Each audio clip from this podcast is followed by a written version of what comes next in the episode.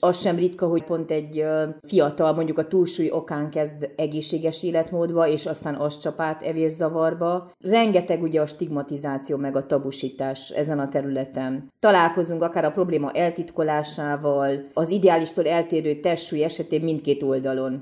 És azt is látom, ugye a családterápiás esetekben, hogy nem mindig ugyanabban a fázisban van a szülő és a gyerek.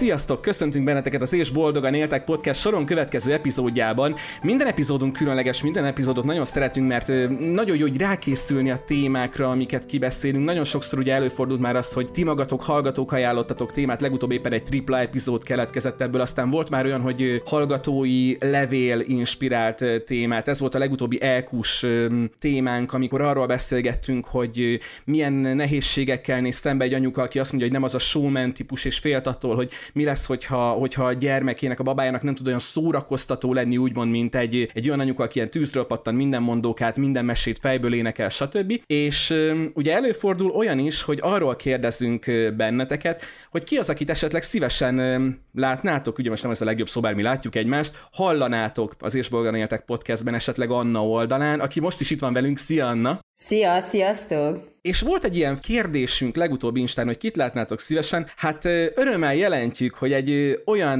név, egy olyan személy, egy olyan szakember vendégeskedik a mai műsorban, akit egyébként ti is írtatok, hogy szívesen hallanátok. Az És Boldogan Éltekben, ő pedig dr. Lukács Liza szakpszichológus. Szia Liza, köszöntünk a műsorban. Sziasztok, köszönöm a meghívást mi örülünk, hogy itt vagy, mert hogy egy, egy olyan fontos témáról fogunk beszélni, amiről pont nézegettem a, a vendégszereplésed Emlék Szabadossági podcastjában, és ott is azzal vezetitek föl ezt a témát, hogy, hogy vannak emberek, akik azt gondolják, hogy ez engem úgy sem érint. Evési zavarok, étkezési problémák, anorexia, bulimiát hagyjuk, mert nincs nekem semmilyen gondom. És aztán mondtál néhány dolgot, öt egyszerű kérdést, hogyha jól emlékszem, amire, hogyha az ember három, abból az öt kérdésből háromra igennel válaszol, akkor igenis érinti. Nagyon-nagyon érintőlegesen, nagyon gyorsan válaszolnád nekünk, hogy miért mondhatjuk azt, hogy az evészavar, vagy az evési problémák azért, ha nem is minden, de legalább minden családban biztosan egy közeli hozzátartozót érintenek. Hát, hogy a zavar érint eh, sok embert, annak a legfontosabb része szerintem az, hogy 65% a túlsúly és elhízás arányban Magyarországon a felnőttek között, de hogy haladunk az életkorral, 65 év felett már a 80% felett közelít, és a gyerekeknél pedig attól is függ, hogy melyik korosztályt nézzük, de minden harmadik, negyedik gyerek túlsúlyos vagy elhízott, és akkor, hogy ezeket a számok, ezeken a számokon elgondolkodunk, akkor kiderül, hogy nagyon hamar lesz a közvetlen hozzátartozóink közül, aki érintett túlsúlyban vagy elhízásban. Az evészavarok aránya az ettől jóval alacsonyabb alacsonyabb szerencsére. Hát az anorexia egy 3 százalék körül van, a bulimiáé az pedig,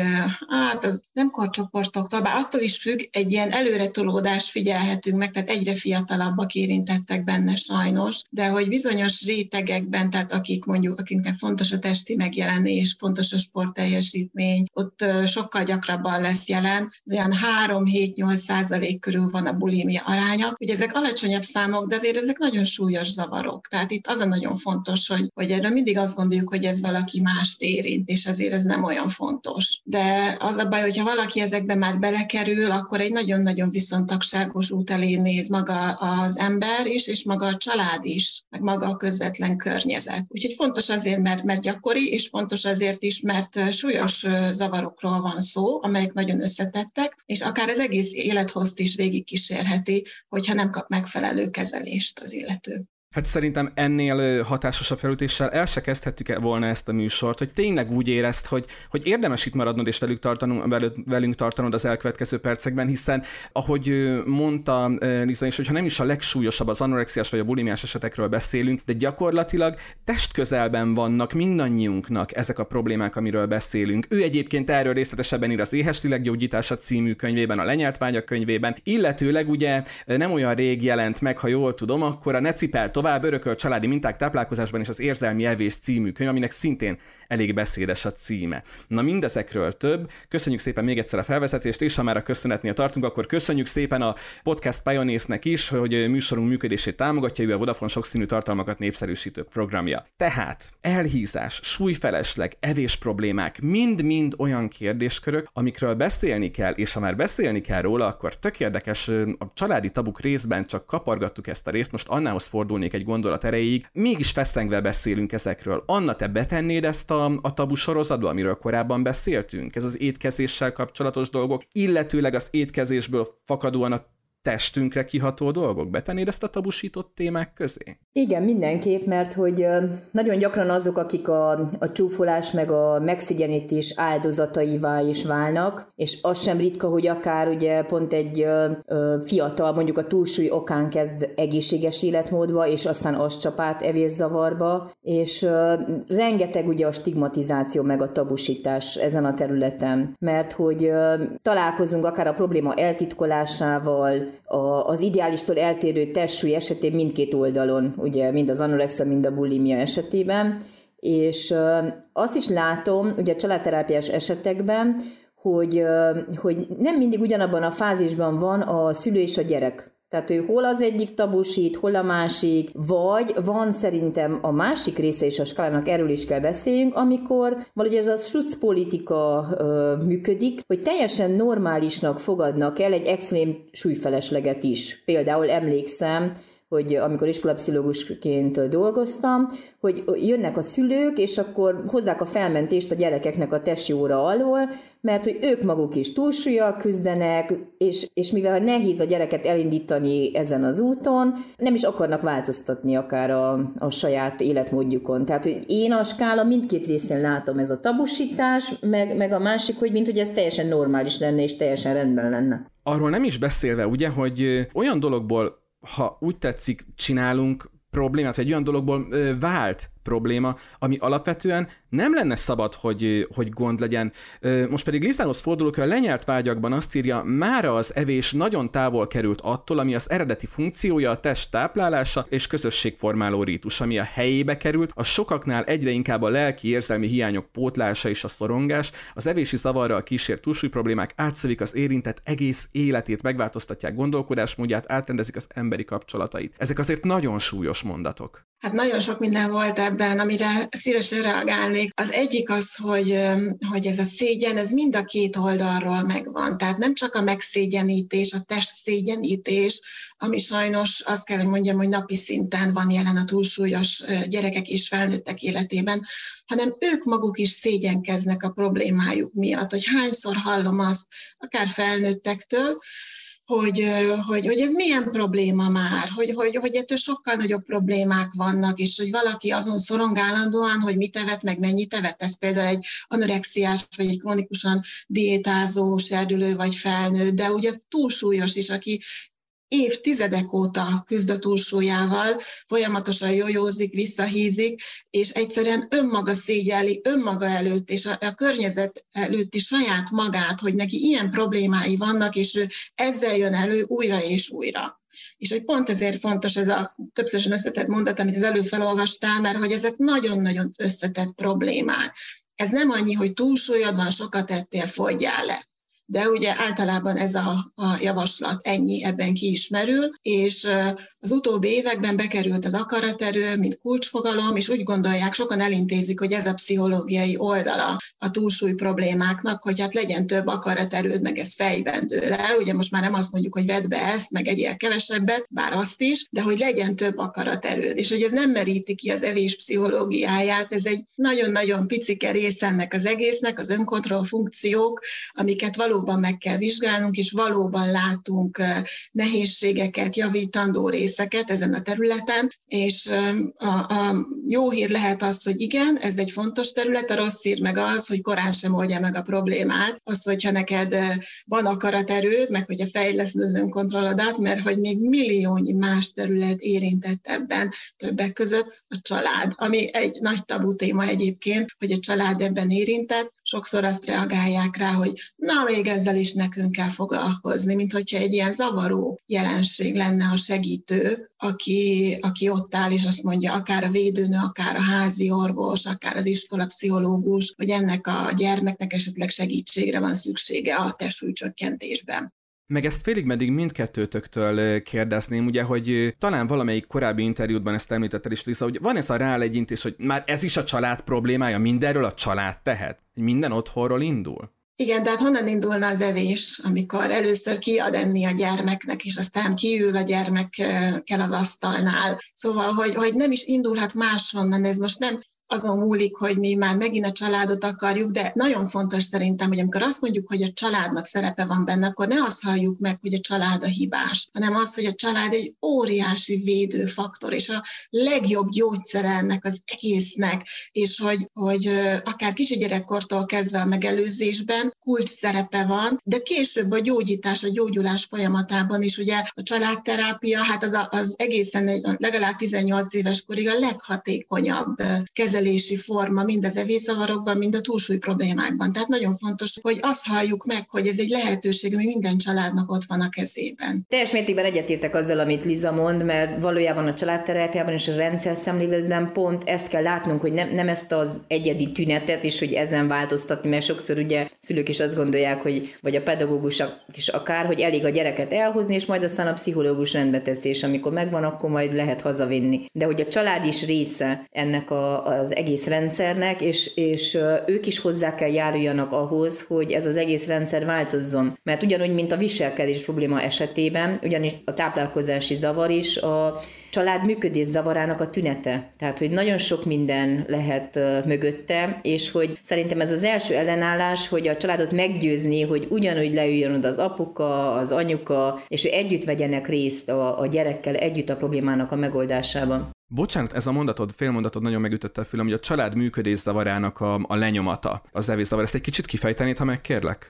Hát, hogy ugye a rendszer szemléletnek pont ez a lényege, hogy nem a tünetet önmagában nézzük, hogyha akár egy, egy bármilyen jelenséget veszünk, hogy a, a gyerek most agresszív, vagy mit tudom én, impulzivitás kontroll zavara van, ennek lehet amúgy egy jó esemény is a mélyén, akár a testvérféltékenység. És ugye változás állt be a családi rendszerben, és uh, ugye a funkciók, a, a családi szerepkörök átalakulnak, ezt a gyerek, mint legérzékenyebb ugye pontja a rendszernek lereagálja, és ő így tudja ezt kommunikálni. Ugye az evészavar is lényegében egy kommunikációs forma, tehát annak is van egy szimbolikus üzenete, hogy vajon mi ellen tiltakozik, hogy mi, miért áll ellen, nagyon sokszor ugye ott van a kontrollfunkció a családban, és a gyerek csak ezt a részt, hogy az evés részt tudja kontrollálni. Tehát, hogy rengeteg minden lehet ott a mélyén, és hogyha ugye nem családként nem képes valaki ezzel szembenézni, vagy nem akar szembenézni, akkor lényegében a gyerek magára marad, mert önmagában nem tudjuk vele együtt csak így külön megoldani a problémát. Bár tudom, hogy konkrét esetekről nyilván nem beszélhettek, meg, meg nem is kérdeznék, általában kérdeznék tapasztalati szinten. Milyen gyakran fordulnak hozzátok ilyen jellegű problémákkal, mondjuk szülő és gyermek? Hogyha valaki nem saját maga önszántából megy, hogy segítségre van szüksége, nem mondjuk, mondjuk egy, egy szülő megy gyerekkel. Mennyire gyakori, hogy, hogy ezt, ezt fölismerik a szülők, és azt mondják, hogy ez szakember kell, mert, mert szintén egy ilyen közfelkiáltás, nem is közvélekedés, hogy már ehhez is pszichológus kéne. Hát hogy a fenében kéne? Hát, hogy milyen gyakran? Azt mondom, hogy ha az elmúlt éveket nézem, akkor egyre gyakoribb az, hogy, hogy a szülők már könnyebben elfogadják, hogy ez nem csak, tehát hogy nem csak a gyereket adjuk be javítatni. Ez egy nagyon sokrétű folyamat, mert van, hogy ő azt mondja, hogy mindenben segítek, de amikor konkrétumokra kerül a sor, akkor viszont mégsem tud odaállni. Úgyhogy ez egy ilyen csalóka dolog, tehát hogy ő most benne van ebben a ebben a gyógyítási folyamatban, vagy pedig nincs, csak azt mondja, hogy én majd támogatom, de mégsem tudja őt jól támogatni, tehát ebben is van szüksége segítségre ezeknek a családoknak, hogy egyfelől tünetben ne a problémát lássák, hanem egy lehetőséget arra, hogy egy új érzelemkezelési, konfliktuskezelési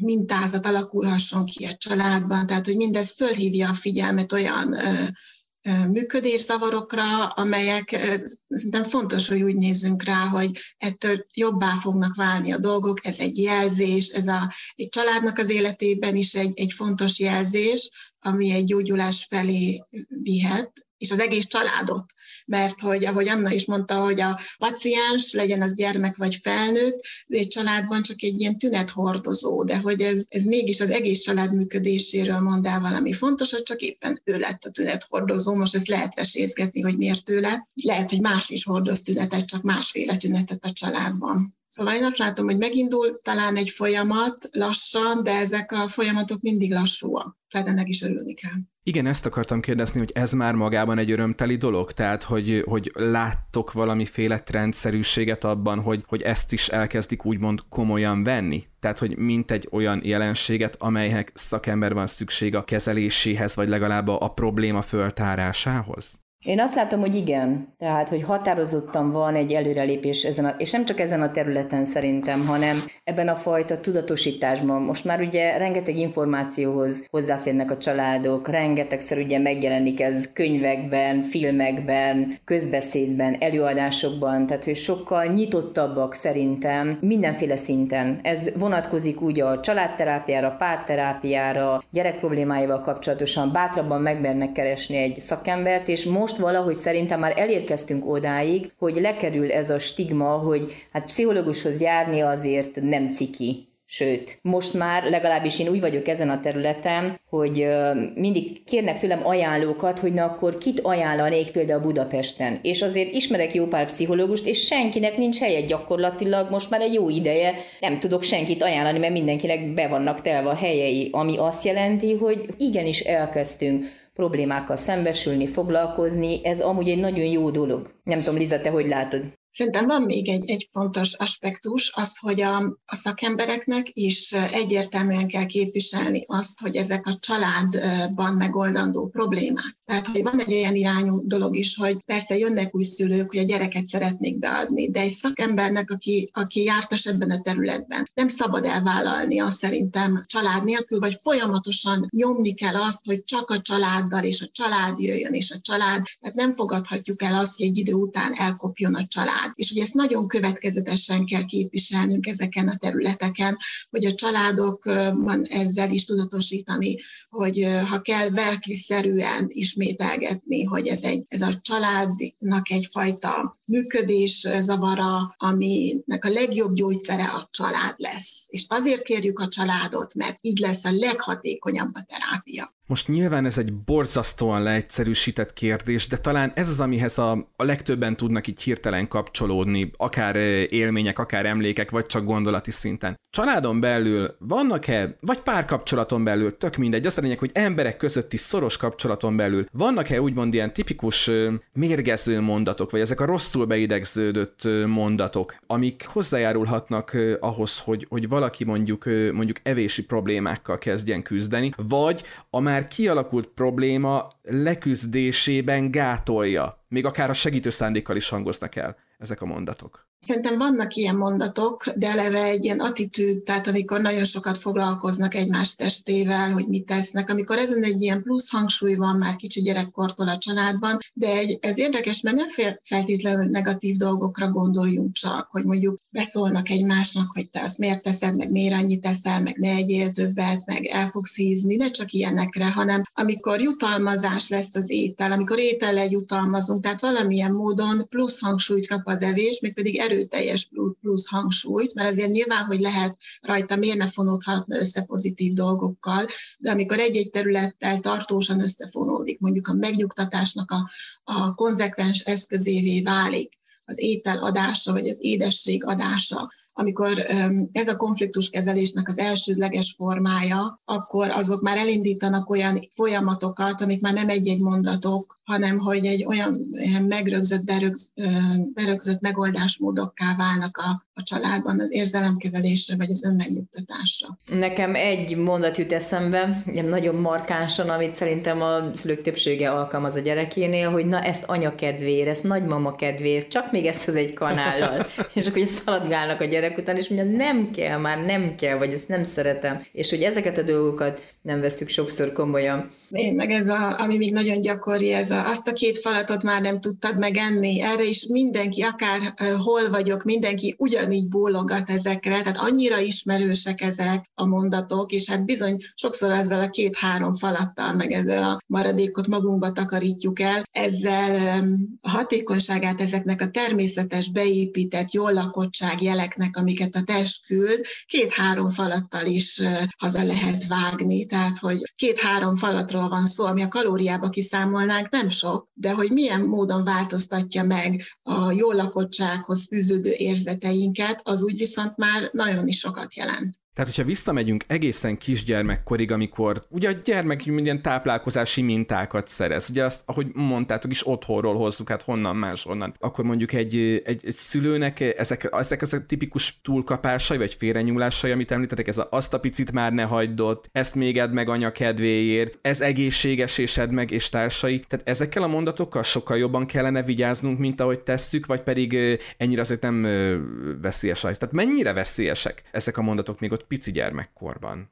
Pusztán e- ezektől e, még nem lesz valaki, pláne evészavaros, ugye az evészavarok, az anorexia, a bulimia is, és kb. 10 éve a falázzavar került ide. Tehát az elhízás az egy belgyógyászati betegség, a túlsúly, az pedig sajnos az semmi, az sehova nem sorolt semmi a túlsúly. A túlsúly az a fogyjál le kategória, holott a túlsúly a prevenciónak a legfontosabb területe, mert az összes evészavar, és hát nyilván az elhízás is túlsúlyból indult tehát a túlsúly az teljesen méltatlan módon kerül ki, mind az orvoslás, mind pedig a pszichológiának a látóteréből. És ezek a mondatok, ezeket az ilyen családi mintázatokat tükröző mondatok, ezekből jó pár van, Egyébként erről is írtam, ezeket, hát vagy 6-8 darabot biztos, hogy leírtam az új könyvemben, és ezek olyan automatikusan jönnek, és nagyon fontos, hogy, hogy valaha régen megtalálhatjuk a gyökerét a családunkban, hogy ezek miért alakultak ki, hol volt meg ezeknek az adaptív funkciója. Csak azóta változott, hogy mi meg mennyi kerül az asztalunkra, és most már ez az elf, hogy egyél meg minden, ez lehet, hogy pont eleget evett egy gyerek, hogyha mondjuk ezt 50 évvel ezelőtt ezt mondták neki, neki. Ma viszont, ha mindent megeszik, akkor garantáltan súlytöblete lesz, mivel hogy egyszerű szénhidrátok vannak a tányérján, sokkal gyakrabban eszik, és sokkal nagyobb a mennyiség, ami elérhető. És akkor, hogyha már ilyen családi vonalakról beszélünk, akkor visszautalás egy korábbi részünkre, amikor a transgenerációs szemléletről beszéltél, Anna. Hogy ugye az evés esetében, illetőleg a, a túlsúly kialakulásának az esetében, vagy esetleg ennek eszkalálódásában, ebben akkor, ha jól emlékszem, hoztál egy példát, annak még pedig arra, hogy, hogy egy holokauszt túlélő nagymamának a helyzete, vagy az élet, úgymond az élete eszkalálódott az unokának az anorexiájában. Igen, szerintem mondjuk erről Liza tudna jobban mesélni ezekről az esetekről, de hogy nagyon sokszor megjelenik ugye egy, egy transgenerációs probléma a gyereknek a tünetén keresztül, mert hogy egyáltalán az evéshez, az ételhez való viszony, hogy, hogy az milyen volt akár a generációkon keresztül, mert hogy nagyon sokszor az evés, az ivás, és általában az oralitás is megjelenhet jutalomként, mint például az ünnepek, karácsony, születésnap, esküvő, amikor valamilyen sikert ér el a család, hogy na erre enni, inni kell, ugye a ceremóniák, a kitüntetett alkalmak, kitüntetett ételek, vagy egyáltalán az étel hiánya, ahogy jelen volt. Mert hogy Ugye mindannyiunk életében a, az öröm is és a bánat is a, összefügg a táplálkozással, mert hogy képesek vagyunk csökkenteni a feszültséget azáltal, hogy az evésen keresztül előhívjuk a, a kellemes élményeket és hogy, hogy magában az evés és az ivás is jutalom lehet, és hogyha például transgenerációsan ezt a megküzdési módot választották, akkor ezt nagyon könnyen ö, tovább lehet adni.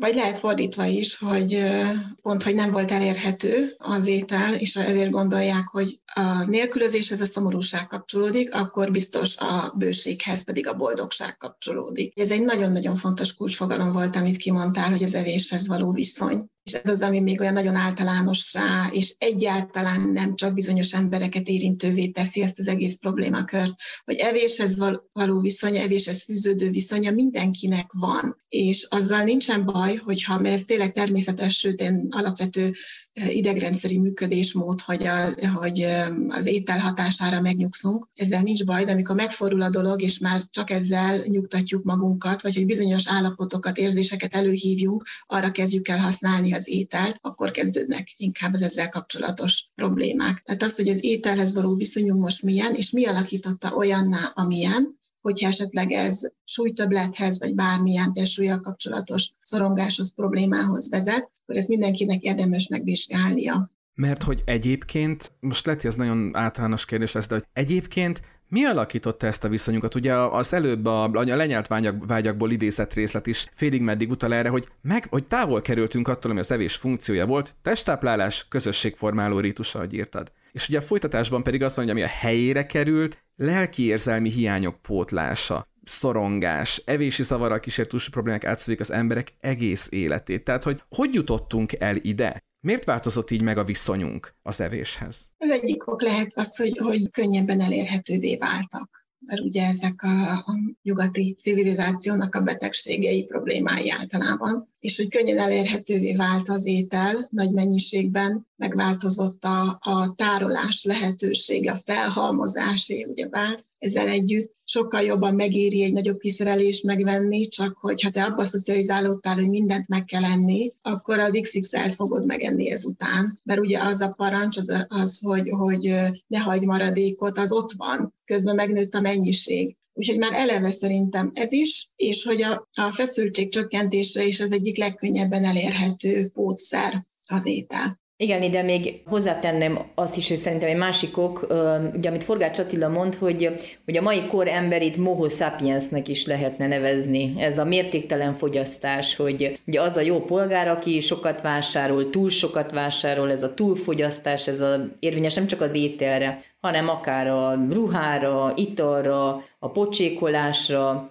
Volt egy ilyen mérés, hogyha jól emlékszem, hogy egy, egy észak-amerikai állampolgár, egy átlagos 30-szor annyit eszik, mint például egy indiai. És hogy, hogy, hogy, nem, hogy már nem létszükséglet ugye a, az evés, hanem, hanem egy irracionális mértéket ölt. Hogy, hogy a fogyasztás ez most már önmagán is túlmutat. És hogy az is nagyon érdekes, hogy hogy a, a karcsúság is, meg a sportosság is, mint ideál, már nem az átlaghoz közelít, hanem a szélsőségekhez. És uh, itt már elvesztődnek ezek az egészséges határok, mert ugye ezek az értékek, amikhez közelítünk, mindig az érzelmeken keresztül jönnek felénk, és uh, sokszor azt vizionalizáljuk, hogy, hogyha most, mit tudom én, fogyni szeretnénk, akkor, és ehhez mondjuk egy, egy drága ruhát, vagy egy drága parfümöt, azt hiszük, hogy ezáltal értékesebbek vagyunk, sikeresebbek, szerethetőbbek. Tehát, hogy van egy nagy verseny ezen a területen és milyen jó piaca a fogyókúrás termékeknek a piaca, amit megint csak, hogy fogyaszt, azt is fogyaszt, először fogyaszd a sokat, aztán meg fogyaszd a diétás, az akkor majd nagyon jó lesz, mert akkor biztos, hogy fogyasztani fogsz.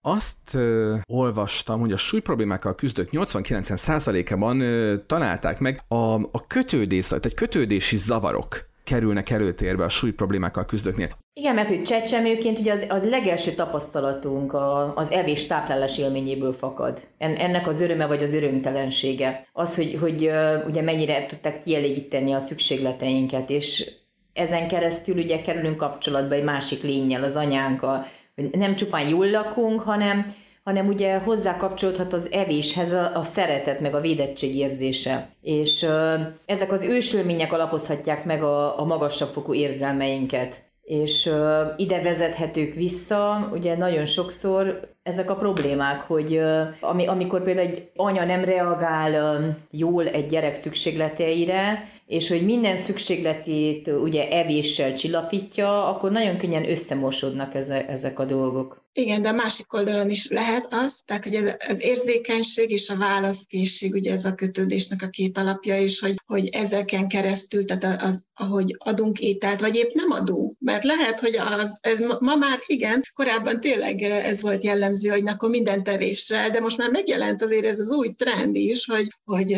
most már anyák elkezdenek követni mondjuk bizonyos étkezési elveket, vagy ez szükséges, vagy nem szükséges, ugye erről nagyon sokat beszélnek a dietetikusok, hogy, hogy bizonyos mentes étkezés az, az, ha indokolt, akkor kell követni. De hogy ez is válhat egy családban olyanná, hogy, hogy, hogy a, a a gyermektől elvárja ugyanezt, a gyermeknek akarja ugyanezt, nem a szükségleteire reagál, hanem az ő saját fejében kialakult elképzeléseket próbálja megkövetni, amik vagy őróla szólnak, vagy az ő akár gyerekkori súlytöbletére, mert ilyen is gyakran van. Meg ugye a minták, a, a szülői minta ebben az esetben is, hogy a, ahogy itt nem, nem, nem elég csak ezeket a mondatokat, hirtelen végig is futott a hideg a hátamon, amikor mondtad, hogy mert a mi családunkban mindenki túlsúlyos, hogy tényleg ez is egy ilyen, egy ilyen beidegződött rossz mondat, nem? És hogy, hogy, hogy a szülőnek a, nem csak a szavai, hanem a, a, az ő maga viszonya is a, az ételhez mennyire példamutató a gyereknek.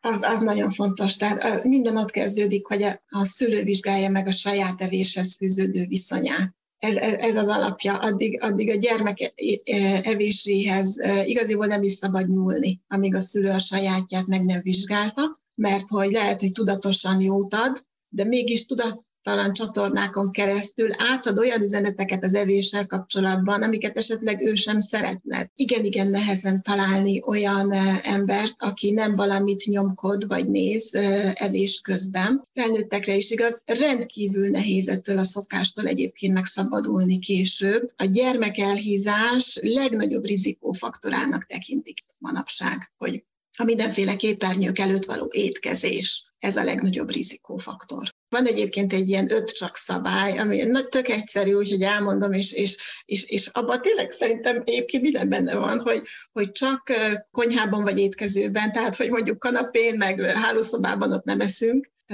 ez az első, hogy csak konyhában vagy étkezőben, csak asztalnál, aztán, hogy csak ha éhes vagy, csak tányérról, és csak eszik tehát nem csinál közben mást. Ez az öt, csak hogyha ezt betartjuk, akkor az már egy ilyen jó alapot teremt, és akkor utána lehet persze beszélgetni, és bár szerintem akinek az esik jól, hogy csak önmagá az ételre figyel, ugye manapság ennek is egyre nagyobb népszerűsége van a jelen tudatos evésnek, hogy arra figyelek, hogy hogy esik nekem, milyen az étel, egyáltalán minden az ételnek minden aspektusára, a saját belső érzeteimre, tehát ez is egy nagyon hasznos dolog tud lenni. Ez is átalakíthatja nagyon pozitív irányban az evéshez való viszonyt. Amiről még mindenképpen szerettelek volna benneteket kérdezni, ugye ha már szóba került, többször beszéltünk a példamutatásról, ugye a, a példamutatás, vagy a szülői példa fontosságáról. Ugye talán az is nagyon-nagyon fontos e téma kapcsán, hogy a szülő meg úgy általában bárki, most konkrétan családi esetekről beszélünk, de ezt akár egyénre is lehet vonatkoztatni, hogyan viszonyul ö, a testéhez? Hogyan beszél róla, főleg, hogyha mondjuk ne adj Isten túlsúlya, vagy mondjuk súly problémával küzd, vagy, vagy éppen ö, egy anorexiával küzdő ember, vagy evészavar, vagy falászavaros emberről beszélünk, hogy hogyan viszonyul a testéhez, hogyan beszél a testéről, milyen kapcsolatot ápol a saját testével. Mert úgy gondolom, hogy ez is egy nagyon problémás kérdés ezen a területen. Arról nem beszél, hogy ez milyen mintává válhat esetleg egy, egy gyermek számára. Ez egy nagyon fontos kérdés az evészavarokban is, és a, a testsúly problémákban általában véve, hogy milyen a tehát az egyik nagyon fontos, ez az evéshez fűződő viszony, a másik pedig a testhez fűződő viszony. Mert hogy ebben a testhez fűződő viszonyban az öngondoskodás is benne van hogy mennyire törődök magammal, mennyire figyelek oda magamra, mennyire veszem komolyan a saját testi szükségleteimet, igényeimet, de mennyire veszem komolyan a saját érzelmeimet is. Mert hogy egy olyan területre tévedünk itt, hogy, hogy a, a, ezekben a családokban, ahol akik érintettek a testsúly problémákban, ott nagyon jellemző az, hogy érvénytelenítik egymás igényeit, meg szükségleteit. Ha azt mondom a másiknak, hogy olyan nincs, hogy, hogy valakiben már ne férne két, két falat, azzal érvénytelenítettem az ő igényét, szükségletét, mert azt mondtam, hogy de írt felül a saját igényedet, és edd meg azt is. És ugyanígy az érzelmek területén is nagyon gyakori ez. De hát, és akkor ez összekapcsolódhat a testsúlyjal is, hogy mondja, hogy mondjuk panaszkodik a lány, hogy de ő kövérnek érzi magát, és akkor azt válaszolják rá, hogy de, hogy is nem vagy te kövér, néznek mások sokkal kövérebbek. Szóval itt is jöhet be egy ilyen érvénytelenítés, és itt már ez lesz az, ami fontossá válik, hogy, hogy meg akarom mondani a másiknak, hogy hogy érezze magát. Tehát amikor valaki mondjuk negatív dolgot fejez ki a testével kapcsolatban, akkor legjobb, abban segítjük, hogy, hogy ő, ő miért érzi így, hogy ezt úgy, úgy megfogalmazhassa, mert sokszor már az is segít neki. És nem minősítenünk kell, hogy ez most jogos vagy nem jogos, de általában ilyesfajta reakció érkezik. És nagyon sokszor számolnak be arról evészavaros felnőtt paciensek, hogy, hogy gyerekkorukban Hát, hogy végnézték a szüleik, hát általában ugye a nők szoktak olyan látványosan diétázni, tehát ezért mondom, hogy inkább az anyjuk diétázását, és teljesen összezavarodtak ebben az egészben, hogy most hogy van ez, hogy ostorozta magát az anyukájuk, ez, ezt ők nem tudták hova tenni, állandóan diétázott, mégis túlsúlyos volt, tehát nagyon fontos, hogy mit fogalmazunk meg ebből és hogyan, mert hogy ezeket mind-mind veszik a gyerekek, szívják magukba, és végül egy ilyen nagy káosz alakul ki bennük, hogy most akkor nem értik ezt az egészet, hogy most akkor együnk jókat, vagy ne együnk, egyen meg, amit anya mond, hogy megegyem, vagy ne egyem meg, most akkor elhízott, most akkor ő elhízott, most akkor hogy van ez az egész. Igen, én is azt látom, hogy nagyon sokszor ugye a, a testről kialakul egy ilyen eltúlzott hamis kép, hogy maga az egész probléma megoldási stratégia is valahogy a fogyás, hízás, koplalásnak a sémáira szűkül, mert hogy, hogy az a gondolat van ennek a hátterében, hogyha lefogyok, akkor boldog leszek, akkor majd mások szeretni fognak, vagy csodálni, és hogy, hogy nagyon sokszor ez a fogyókura, és nem az egészséges életmód fele való törekvés, hanem olyan, mint egy ilyen önbüntető magatartás. Vagy majd, ha aztán ennyi kilós leszek, akkor nem tudom, mi fog történni. Előzetesen beszélgettünk arról, hogy a, az evés megjelenik-e Lila és Tündérbogyó mesében, és te mondtad, hogy a Játszunk anyukásdit mesében ott van az evés, ugye a megylevesnek a kérdése. Én újra olvastam ezt, azt a mesét, és szerintem a hallgatók közül biztos sokan ismerik. Az a mese az ugye nagyon-nagyon egybevág azzal, hogy, hogy az evéshez hogyan viszonyulunk, de úgy általában ez az anyuka-gyerek viszony, az any- a gyerek hogy viszonyul az anyukához, mi van, amikor ezt eljátszák. Hogyha kifejezetten erre a megylevesre, szeretem a megylevest, nem eszem meg a megylevest részre hegyeznéd ki a mesét, akkor hogyan írnád meg a megyleves mesét? Mi lenne a megyleves történetének a lényege ennek a beszélgetésnek a fényében? Jó, és ezt most így mondjam el három mondatban. Hogyne, hogyne, van még, van még két egész percünk. hát ugye ennek az egész megyleves sztorinak a lényege amúgy, hogy ez a kislány én vagyok, aki mindig küzdött a megylevessel. Hát Erdélyben nagyon fura módon főzik a gyümölcsleves, vagy legalábbis Marosvásárhelyen a mi családunkban, hogy nem az a megyleves, amit mindenki ismer, tudod, az a pudingszerű, a nagyon édes, stb., hanem nálunk így savanyítva, petrezselyem zölddel benne, meg ilyen, ö, mit tudom én, olyan megylevest is láttam, amiben csirke lábak voltak, meg csirke fej, meg ilyen csirke aprólék, tehát hogy nekem ez a halál volt. Nálunk a családban így főzték a megylevest. Én mikor egy ilyen megláttam, én hátas dobtam, gyerekkoromtól kezdve. És akkor nálunk apukám nagyon-nagyon szigorúan, ugye mindig mondta, ezt mind meg kell enni, és hát ugye kommunizmus ideje alatt tényleg nagyon nem volt mit enni.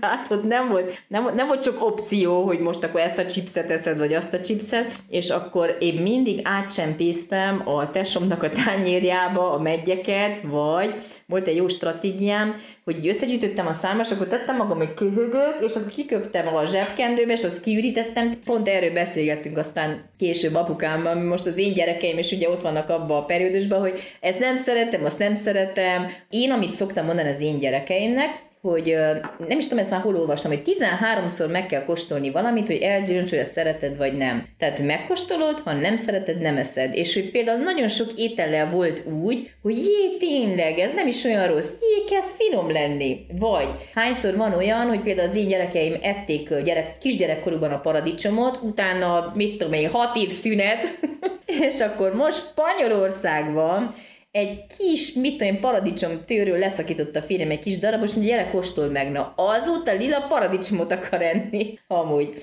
Úgyhogy pont ezt a fajta rugalmasságot látnám, hogy, tehát, hogy, hogy azzal, hogy erőltetjük, hogy edd meg, és most kényszerítjük, sokkal, sokkal rosszabb lesz a hatás, mint hogyha bizonyos pontig valóban szülőként fusszáló az, hogy látod, elkészíted, és mit a legjobb ételeket nem eszik meg. A vinettát például nálunk, a zakuszkát, tehát ez milyen erdély gyerek, nem eszik zakuszkát, nem eszik padlizsán, de nem, és visszaemlékszem, hogy én is gyerekkoromban nagyon sok mindent nem ettem meg, amiért most rajongok. És hogy valószínűleg ugye az a dolgunk, hogy ez, tehát hogy sokkal inkább jobb, hogy elfogadjuk, és a magunk frusztrációjával kezdünk valamit, mint a gyerekbe, akkor a mindenféle megyleveseket beleerültessük. Minden esetre lennék légy a falon, amikor Lizával négy szem közt megbeszélitek a megyleveshez fűződő traumáidat. Azt nagyon meghallgatnám. Viszont az időnk végéhez közelítünk, úgyhogy nagyon sok dologra nem maradt már, csak arra, hogy nagyon-nagyon szépen megköszönjük dr. Lukás Lisza szakpszichológusnak, hogy vendégünk volt ebben az adásban. Köszönjük szépen, hogy itt voltál. Én is köszönöm. Köszönöm szépen, Anna, hogy ismét itt voltál. Nekünk még ugye ilyenkor szolgálati közleményünk, el kell mondanunk azt, hogy köszönjük, hogy velünk tartottatok ebben az adásban. Ha van esetleg témajavaslat, kérdés az elhangzottakkal kapcsolatban, az és boldogan éltek infokuk, az gmail.com. Erre van fenntartva csak úgy, mint a komment, illetve a privát üzenet szekció a Facebook és az Instagram felületünkön. Hogyha hallgatok bennünket Spotify-on, Apple Podcast-en, Google Podcast-en, Deezer-en, YouTube-on, megköszönjük, hogyha követitek az adást, bekövetitek, értékelitek az elhangzott adásokat, lájkoljátok és megosztjátok azokat, hogy még többen boldogan élhessenek, ne csak te, aki most ezt hallgatod, és ott vagyunk a patreon.com per és boldogan éltek felületen is, ahol ugye minden egyes adás exkluzív tartalmakkal bővítve elérhető a hallgatnám még támogatási formát választó hallgatóink számára, akiknek nemrég egy picivel bővült újra a táboruk, amit ezúton is köszönjük. Még egyszer nagyon-nagyon szépen köszönjük mindkettőtöknek, dr. Lukács Viszának, dr. Kádár Anna Máriának, hogy itt voltak. Mi is köszönjük a beszélgetést. Köszi a meghívást. És nagyon-nagyon reméljük, hogy nem most beszéltünk utoljára ilyen formában hármasban. Köszönjük szépen, sziasztok! Sziasztok! Sziasztok!